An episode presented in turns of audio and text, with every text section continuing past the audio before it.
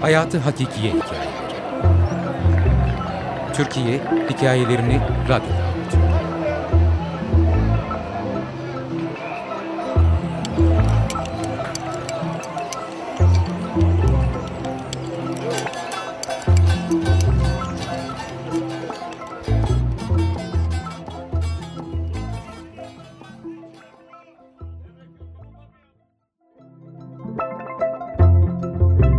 Paşa'nın Utancı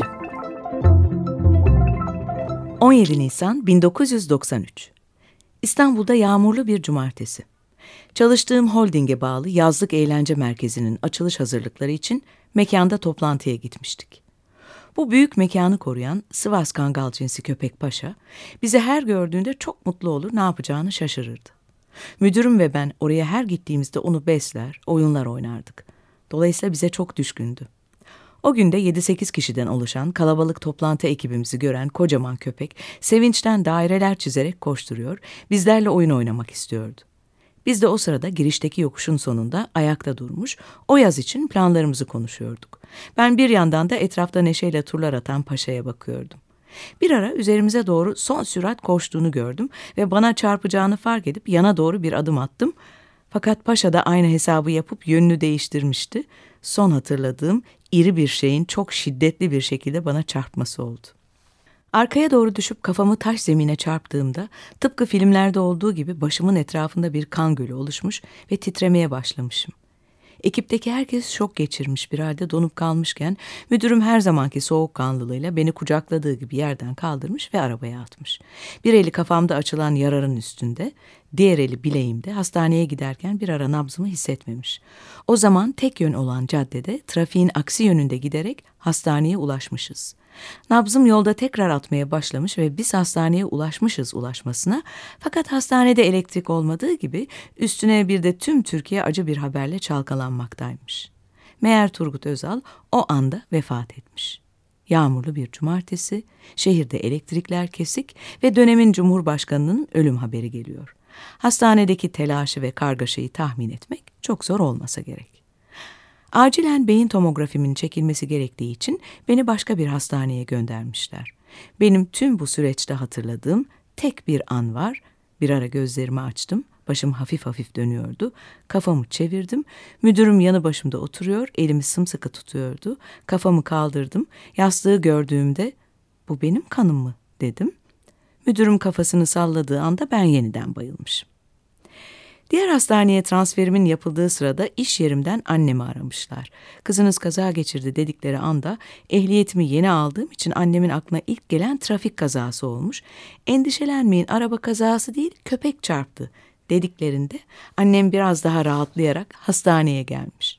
Fakat benim bulunduğum katın girişinde sarı botlarımı görüp holde bizim tüm ekibi sessiz ve perişan bir halde bulunca öldüğümü zanneden zavallı annemi sakinleştirmek için çok uğraşmışlar.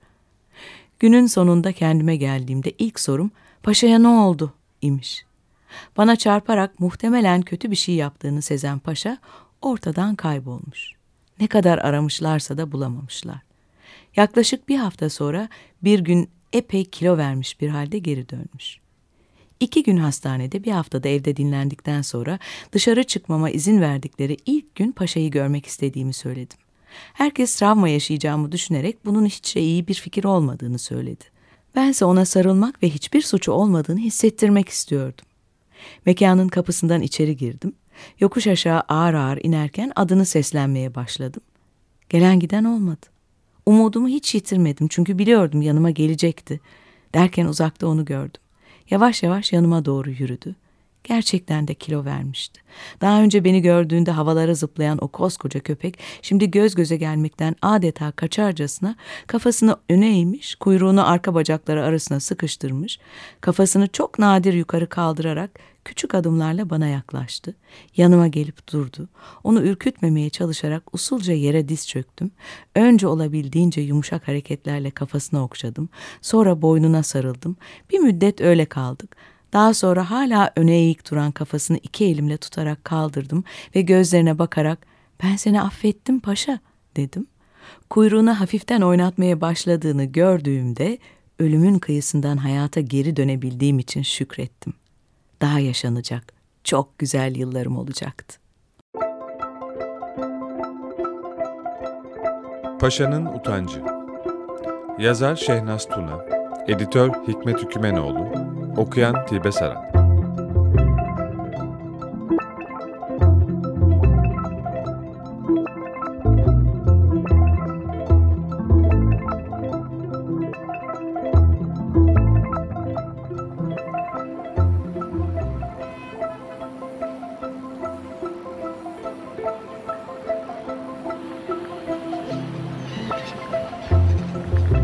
Hayatı Hakikiye Hikayeleri Türkiye hikayelerini radyoda.